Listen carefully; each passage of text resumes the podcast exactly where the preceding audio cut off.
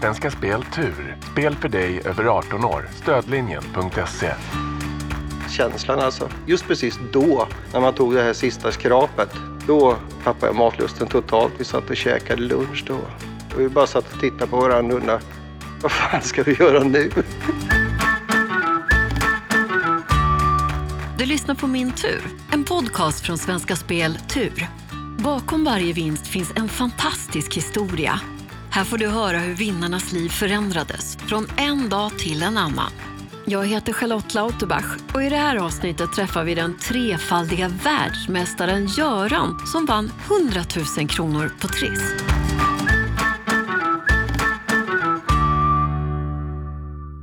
Det är jättekul att du är här. Jag är så nyfiken på att få höra din historia. Och så tycker jag att det känns väldigt coolt också att jag har en trefaldig världsmästare i studion i någonting som jag inte ens visste att man kunde vara världsmästare i. Nej, det stämmer bra. Det är så här att eh, i mitt företag som jag har i Småland, eller hade rättare sagt, jag sålde det för ett år sedan, så har jag utvecklat eh, lite egna saker, egna produkter till dieselmotorer. Det handlar om eh, att få mer bränsle insprutat i en dieselmotor och på så sätt höja effekten avsevärt. Och som läget är nu så har vi då kommit så långt så att vi har fått en motor på 177 hästkrafter och utvecklat lite drygt 700 hästkrafter. Och det där har slagit så väl igenom tack vare vår marknadsföring på sociala medier och sådana saker. Så att eh, vi har blivit kontaktade av ett antal racingteam i Amerika som kör hastighetskörningar, eh, alltså speed record på, eh, Saltö i Saltöknen i Nevada. Och vi har byggt ihop ett eh, tre, fyra, jag håller på med det fjärde nu, men vi har byggt ihop tre stycken bränslesystem som vi har monterat då på olika motorer och skeppat över till Amerika som de har satt i bilar och sen har de då kört och då har de slagit rekord helt enkelt i de här olika klasserna som de har kört i. Och just att köra med dieselmotorer borta i Amerika, det är ju väldigt, väldigt, väldigt ovanligt för att det är ju bensinens förlovade hemland, som man säger så. Ja, för mig så är det här ganska komplicerat, måste jag erkänna. Men du är alltså världsmästare i att bygga bränslesystem? Vi har slagit rekord, ja precis det har vi gjort. Och nu håller vi som sagt på att bygga ett fjärde system som vi ska skeppa över här i eh, höst. Och sen i september nästa år så åker vi över till Salt Lake City igen och så ska vi göra de final adjustments på de sakerna och sen så ska vi se om vi kan få den här streamlinen och putta iväg en bit över 400 kilometer i timmen. Wow. Åker du själv i bilar? Alltså snabba bilar? Nej, alltså, jag har ju varit i racingbranschen, fast det var ju typ på 80-90-talet. Men vad vi gjorde då, det var ju att vi låg och skavde runt med racerbilar på sån här långloppsracing, alltså 6 och 8 timmars endurance racing då på olika banor. Mantorp, Anderstorp, Knutstorp, Gelleråsen och de där ställena då. Men eh, nu har jag blivit lite för gammal för att åka. Jag tycker mest det är bara roligt att vara med och, eh, ja, vara med och supporta, hjälpa till, stödja, skruva, meka. Gubben kan fortfarande trots att han börjar bli gammal. De kallar det erfarenhet. Ja, men det är klart. Ja. Men du, nu måste vi komma här till saken. Ja. Du är ju faktiskt här hos mig för att du är en utav de lyckliga som har fått uppleva känslan av att vinna pengar. Stämmer. Och om vi bara isolerar just den här känslan. Hur kändes det just i detta ögonblick när du förstod att du hade vunnit en massa pengar? Jag tappade matlusten totalt. det kan man väl sammanfatta det med. Just precis då, när man tog det här sista skrapet, då tappade jag matlusten totalt. Vi satt och käkade lunch då. Och vi bara satt och tittade på varandra och undrade, vad fan ska vi göra nu? Det var ju 22 år sedan som ja. du skrapade den här trisslotten och vann 100 000 kronor. Så jag tänker att vi går tillbaka 22 år i tiden. Hur var ditt liv då? Mitt liv då, 1998, var faktiskt ganska bra. Jag är gift och har två barn. Jag är fortfarande gift med samma hustru. Jag hade drivit mitt företag eh, sedan 1986, alltså jag hade drivit det då 12 år. Och eh, det hade varit ömsom vin ömsom vatten så att säga då. Frugan har jobbat i mitt företag, och, eller i vårt företag ska jag säga. Och eh, hon har ju då varit en eh, hängiven trissköpare. Jag är ingen sån som springer och köper trisslotter, utan det, det har legat på hennes bord så att säga helt och hållet. Och jag håller mig till mina stående lotterrader. Och eh, om man ska ta det från början då så hade hon väl varit och handlat trisslotter i vanlig ordning då. Sen hade hon gått omkring med de här i sin kappa. Vi hade varit inne i Jönköping då och handlat lite grann. Hon hade strosat runt på Ikea och haft de här lotterna i fickan. Just den här dagen i september 98 så då var det marknad i vår lilla by hemma. Och då hade hon tänkt att hon skulle gå in på den här marknaden och eh, gjorde väl så. Hittade i vanlig ordning ingenting utan gick hem och eh, började laga lite lunch. Och eh, då när vi sitter här till lunch så då hade hon kommit på att hon hade ju de här fyra lotterna då som hon skulle skrapa. Hur länge sedan var det som hon hade köpt dem då? Kan ha varit någon vecka kanske bara. Ja. Någonting sånt. Ja, skopar väl upp lite mat och så sitter vi och käkar där och så kommer de där lotterna fram och hon skrapar sina två och det vart ju ingenting. Och jag hade fått två lotter av henne och jag skrapade den första och det vart ingenting och sen skrapade jag den, den andra då. Och just då, i det ögonblicket, som sagt, när jag fick se att det var tre stycken, så sa jag, du, vi vann hundra. Jaha, sa hon då. Vad bra, hundra spänn. Vart vi hundra spänn? Äh, vi vann hundratusen. Då, då föll det bara ner liksom. Så här. Och, vad fan ska vi göra nu då? och maten, det var ju liksom bara att glömma alltihopa där. Va? Ja, vad gör vi? Ja, Vi visste inte alls vad hur, hur hanterar man en sån här sak egentligen. Men då var det så att jag hade en riktigt bra personlig bankman redan på den tiden som skötte mitt företag. Så jag ringde upp till Håkan som han hette på banken och sa till honom, Håkan jag måste komma upp och träffa dig för jag har, jag har fått ett litet angeläget problem här. Ja, kom du, sa han. Så vi åkte upp, tog cyklarna upp och sen så in på banken där. Han var helt cool. Han sa, ah, men du det här är ju skitkul. Men lugnt, bara lämna den här till mig. Jag fixar alltihopa, sa han. Sagt och gjort. Jag fick ett kvitto på att jag hade lämnat en trisslott på 100 000 kronor. Jag fick en kopia med mig på den, som jag har med mig här, som jag visade förut. Då. Sen när vi gick ut ifrån eh, banken då så Ja, då stod vi egentligen bara och tittade på varandra och sa, vad fan ska vi göra nu? Ja, vi åker förbi bolaget och så köpte vi en flaska skumpa och så åkte vi hem.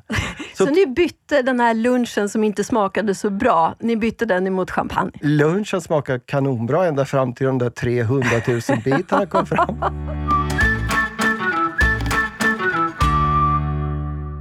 Vad ska vi göra nu? sa ni till varandra. Ja. Tänkte ni med pengarna eller tänkte ni just med det här att hur gör man när man tar ut en sån vinst? Det var ungefär så vi tänkte. Ja. Hur hanterar vi det här? Jag var van, van att hantera pengar och checkar och sådana saker eh, genom ett företag på den tiden. va. Men liksom när det dyker in en sån här skrällsumma privat, liksom, och just då när vi satt där, hur hanterar vi det här? Vad gör man? Men det var ju smart då att ringa till bankmannen. Ja, ja absolut. Men det är väldigt roligt att ni gjorde det på en gång. Det gjorde vi direkt och sen så, eh, som sagt, eh, köpte vi skumpan direkt också. Ja. Tog ni den på en gång när ni kom hem? Nej, nej, nej, nej. Utan vi, vi gjorde som så att vi väntade hem eh, flickorna.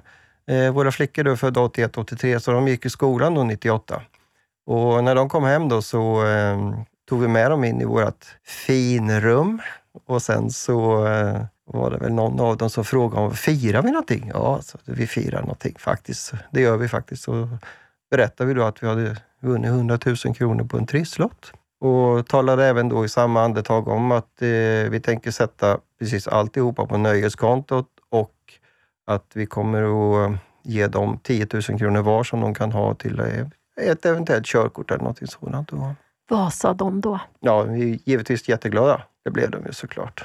Ja, det är klart. Mm. Hur tyckte du att det kändes att kunna dela med dig och kunna ge pengar till Jo, dina men det är, ju, döttrar? det är ju det bästa som finns. Att kunna dela med sig. Absolut. Så barnen fick ju pengar då, Ja. 10 000 kronor var. Och sen så sa du att ni satte in resten på nöjeskontot och då blir man ju jättenyfiken på vad ni gjorde. Vi åkte faktiskt in till eh, en resebyrå i Jönköping och så beställde vi den bästa resan ever. Och det bestod då utav två veckor i eh, Karibien. Vi var en vecka då på Barbados och så var det då en tillhörande kryssning. Så vi kryssade runt eh, en vecka och eh, vi besökte både Venezuela, Curacao, Santa Lucia och så var det någon mer också som jag inte kommer ihåg just nu. Då.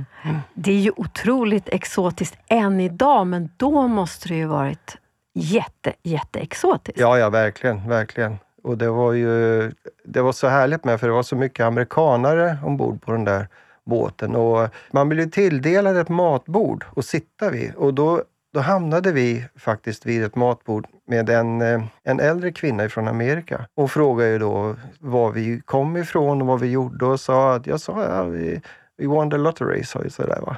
Och då, oh, good for you, good for you, och var jätteglad. Så här, va? sen lite längre fram på kvällen då, så visade det sig att den här kvinnan från Amerika som vi satt och käkade lunch och pratade, eller käkade middag och pratade med, det, det var faktiskt hon som har designat den här lilla Intel Inside-logotypen som sitter på många datorer. Den, sa den har jag gjort, sa vad häftigt! Ja, skithäftigt. Ja, det är det som är så roligt med att resa, tycker jag. Att man träffar så många spännande människor. Ja, ja visst. Det är jätteroligt. Vi träffade en cirkusdirektör från Norge också. Så att, eh, ja, det var en toppenresa, verkligen. Och vi satt i 25-gradig eh, sol och läste om att Gävle hade snöat in totalt. Det gjorde ju det där i början på december 2000, eller 1998. Då. Vi hörde av oss hem till eh, våra barn. Mina föräldrar hade varit vänliga nog att åka ner och ta hand om dem, då, för de hade sin skolgång att klara av så att säga. Då. Och de hade skottat snö, alltså så mycket snö som de hade skottat hade inte vi sett då. Och lagom när vi kom hem efter 14 dagar, då hade det mesta tinat bort. Så att, ja, vi missade ju mer eller mindre hela det där snöovädret som var, så att jag tror inte det har varit någon snö. missade säger du. Jag tror kanske inte att du saknar det jättemycket, eller? Nej, faktiskt Nej. inte. Nej. Men vad tyckte du var det bästa med resan då? Ja, men det bästa med resan det var ju liksom att man hade möjlighet att göra det utan att veta att det påverkar ens egna privatekonomi någonting. Och det var ju liksom bara öppna spenderarbyxorna och, och bara dra på för fullt så att säga då. Det var ju det som var det mest eh, föränderliga i det hela. Att vi kunde göra en sån här resa, bara hustrun och jag då. Och det var det som var så fantastiskt, tycker jag. Jag förstår det. Mm. Jag skulle också lägga pengar på att resa om jag vann. Visst är det fantastiskt? Ja, det är det ja. bästa som finns faktiskt.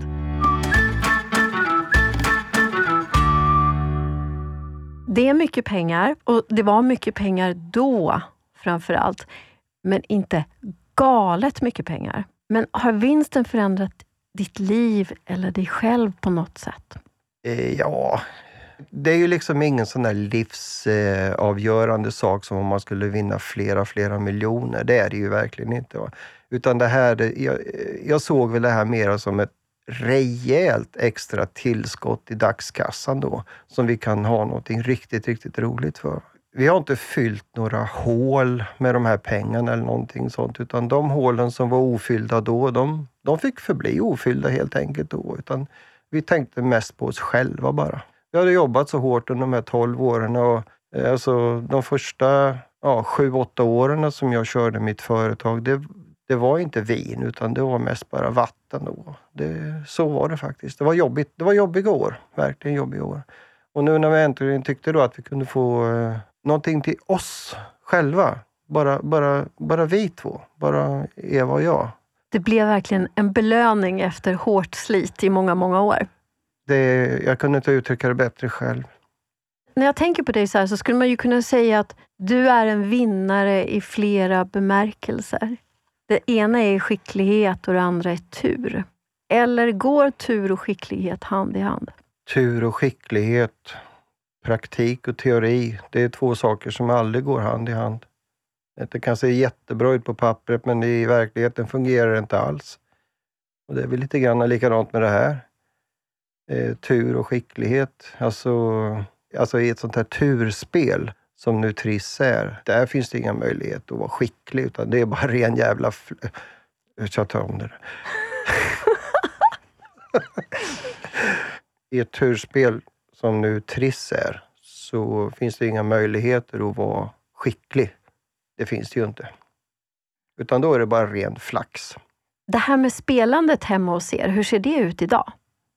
Det är på en väldigt, väldigt moderat nivå ska jag säga. Jag har mina stående lottrader. 100 kronor i veckan som jag betalar in då. Och nu har jag faktiskt utökat det så att jag kör även onsdagslotton med 100 kronor i veckan. Då, så att nu börjar det kosta pengar här. och sen är det då hustrun som eh, köper lite trisslotter. Då. Jag, jag satt faktiskt och pratade om det nu innan vi åkte hit. Hur mycket spelar vi för egentligen? Och jag satt och, och räknade lite grann och sådär. Ja, om man tar det 100 kronor i veckan, det är ju 5200 om året. Och nu har man dubblat det, så nu är man uppe då på 10 och halvt kanske i Lotto. Och sen är det de här trisslotterna då. Hur mycket handlar du trisslotter för? Ja, hon hade ingen aning, men det kanske rör sig om 500-600 spänn i månaden kanske. Mer än så är det inte. va? Mm. Så att eh, jag tycker vi håller det på en lagom, lagom nivå. Och framförallt så eh, är det ju ingenting som eh, gräver några hål i våra plånböcker, absolut inte. Men pratar ni med varandra också om vad ni önskar er utav ert spelande? Nej, det gör vi faktiskt inte. Det har vi faktiskt aldrig gjort. Det har vi inte gjort. Visst, någon gång har man väl kanske tänkt att om det slår till utav attan så skulle det vara jätteroligt. Alltså, skulle jag vinna fem miljoner så skulle jag ge bort två miljoner var till mina döttrar direkt. Alltså. Och så skulle jag behålla en miljon själv. Då. Vad skulle du göra med den miljonen? Köpa veteranbilar. Ah, men du och din fru delar ju. Ja, Skulle hon också tycka att veteranbilar skulle vara en bra idé? det har jag inte frågat. jag frågar faktiskt aldrig när jag köpte den jag har nu. När jag kommer på. Hon sa bara, jag ville ha den så köp den, sa hon. Ja, och då gjorde jag det. Jag tänker ifall ni skulle vinna en miljon, eftersom ni delar på allting, Ja, då måste du fråga henne den gången. ja då, det ska Ja. jag göra. Ja. Absolut.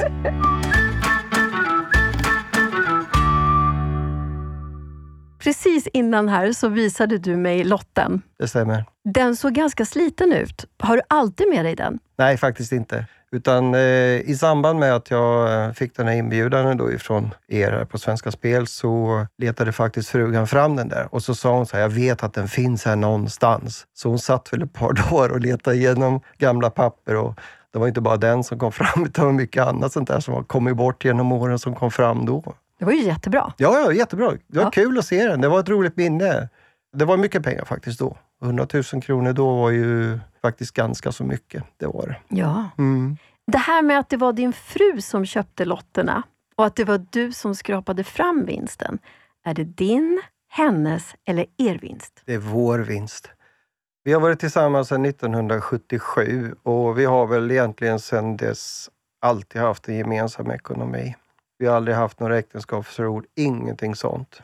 Vi delar på firman och ja, Så hon skulle ha kunnat suttit här också? hon är på hotellet Ja. och ville följa med upp i alla fall. Ja, Ja. vad kul. Ja. Hade ni vunnit någonting innan det här? Nej, men faktum var att eh, efter de här eh, 100 000 kronors vinsten, året efter då, eh, 99, så fick vi faktiskt två stycken 10 000 kronors vinster som Oj! vi kunde casha in. Ja. Och det var ju i samma butik då och det, det var ju en sån här turbutik som det kallas för då. Verkligen. Ja, så det var, det var lite roligt också då. Hur ser framtidsdrömmen ut då? Den är säkrad. Min framtidsdröm är säkrad redan. Wow. När jag startade mitt företag 1986 så var det en väldigt, väldigt envis försäkringsgubbe som var på mig. Han sa till mig att Göran, ni måste se till att spara i pensionsförsäkringar. Och jag har ett jättebra upplägg här till er, sa han då. Och jag såg ju det där bara som en utgift, en onödig kostnad. Jag menar, jag hade lånat massor pengar då till, eh, för att förverkliga min dröm och starta det här företaget. Då. Idag, när jag har fyllt 60, så har jag börjat att plocka ut utav de här försäkringspengarna. Och jag säger att hade han inte varit så påstridig så hade jag aldrig haft det så bra som jag har idag. Så där, där har du svaret till en viss del på Eh, att jag förverkligar min dröm. Vidare så eh, fick jag eh, i ett senare skede i livet möjlighet att sälja mitt företag en gång.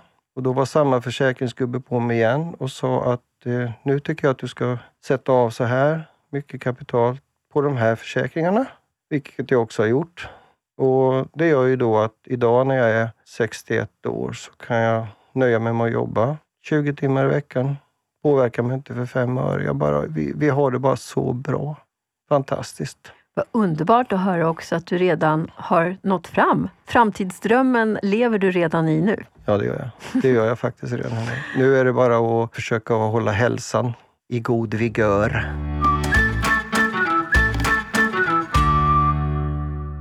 Jag förstår ju att det här med bilar betyder oerhört mycket för dig. Finns det något annat intresse, något annat som du hinner med att intressera dig för? Det finns det faktiskt. Jag har en, eh, ett, ett par sjuka laster. Nej, fan, så kan jag inte säga. Kör! nej, nej! Ja, vänta, jag tar om då. Jag har en otrolig passion för att snickra. Bygga, spika brädor, måla. Allt sånt där som ja, Anders Övergård gör i princip. Då. Allt sånt. Vad snickrar du då? Jag bygger hus. Jag har renoverat ett par hus. Jag renoverade ett hus ett kvarter bort ifrån där vi bor. Sen när jag hade köpt det där huset så ringde jag till min dotter och så sa jag att jag har lite dåligt att göra så jag har köpt ett hus. Jag tänkte jag skulle renovera åt er om ni vill ha det. Och de var till och lågor. Så att, eh, för tio år sedan, så, eller för elva år sedan blir det nu, då, så hade jag kontakt med en kompis då, som är arkitekt. Så han hjälpte mig att göra en helt ny planlösning på det här huset. Sen gjorde vi om allting från början. Öppen planlösning, nytt värmesystem, nytt vatten, nytt avlopp, ny el, ny skorsten, ny fasad, nya fönster. Ja, allt var nytt. Vi köpte material för lite drygt 1,2 miljoner och så la jag ner 14 månader i arbete på det där. Och så sålde jag det för materialkostnaden till, mina, till min dotter. Då. Alltså, du är fin. Tack! Och jag behöver dig på mitt land. Det gör det va? ja. Alltså snickra det är någonting som, eh, som jag har vad heter gjort i alla, alla år. Och det kommer väl lite grann ifrån eh, mina föräldrar som byggde landställe på 70-talet. Då var man med där ute och hjälpte till lite grann. Då. Och så när vi köpte vårt eget hus 2004 så var ju det också ett renoveringsobjekt. Då var det liksom bara att åka ner till järnhandeln egentligen och köpa eh, värsta kapogersågen, jag ska ha det värsta sågbordet, jag ska ha den värsta borrmaskinen och allting sånt. Och alla de här maskinerna finns faktiskt kvar i fungerande skick idag också. Fast idag så är de ju utlånade då givetvis till mina svågrar, för det är de som nyttjar mina verktyg idag. Så att säga. Men det finns där. Jag byggde faktiskt ett uterum på 18 kvadratmeter i somras under coronakrisen när vi inte hade någonting att resa till. Husbilen fick stå, resorna var inställda. Vi hade ett gammalt uterum som vi byggde 2004 som var så snett alltså, så att det, ja, det var jättedåligt. Så det rev vi, hela alltihopa och sen så byggde vi upp det på nytt, alltihopa. Så nu har vi 18 kvadratmeter inglasat uterum med vattenburen golvvärme och TV och hela kittet. Så där sitter vi nu och kollar på hockey på kvällarna. Göran, tack snälla för att du delade med dig och lycka till nu. Tack så hemskt mycket för att jag fick komma. Det var jättetrevligt att vara här och prata med dig. Min tur produceras av I Like Radio för Svenska Speltur. Inspelning, originalmusik och produktion av Kristoffer Folin.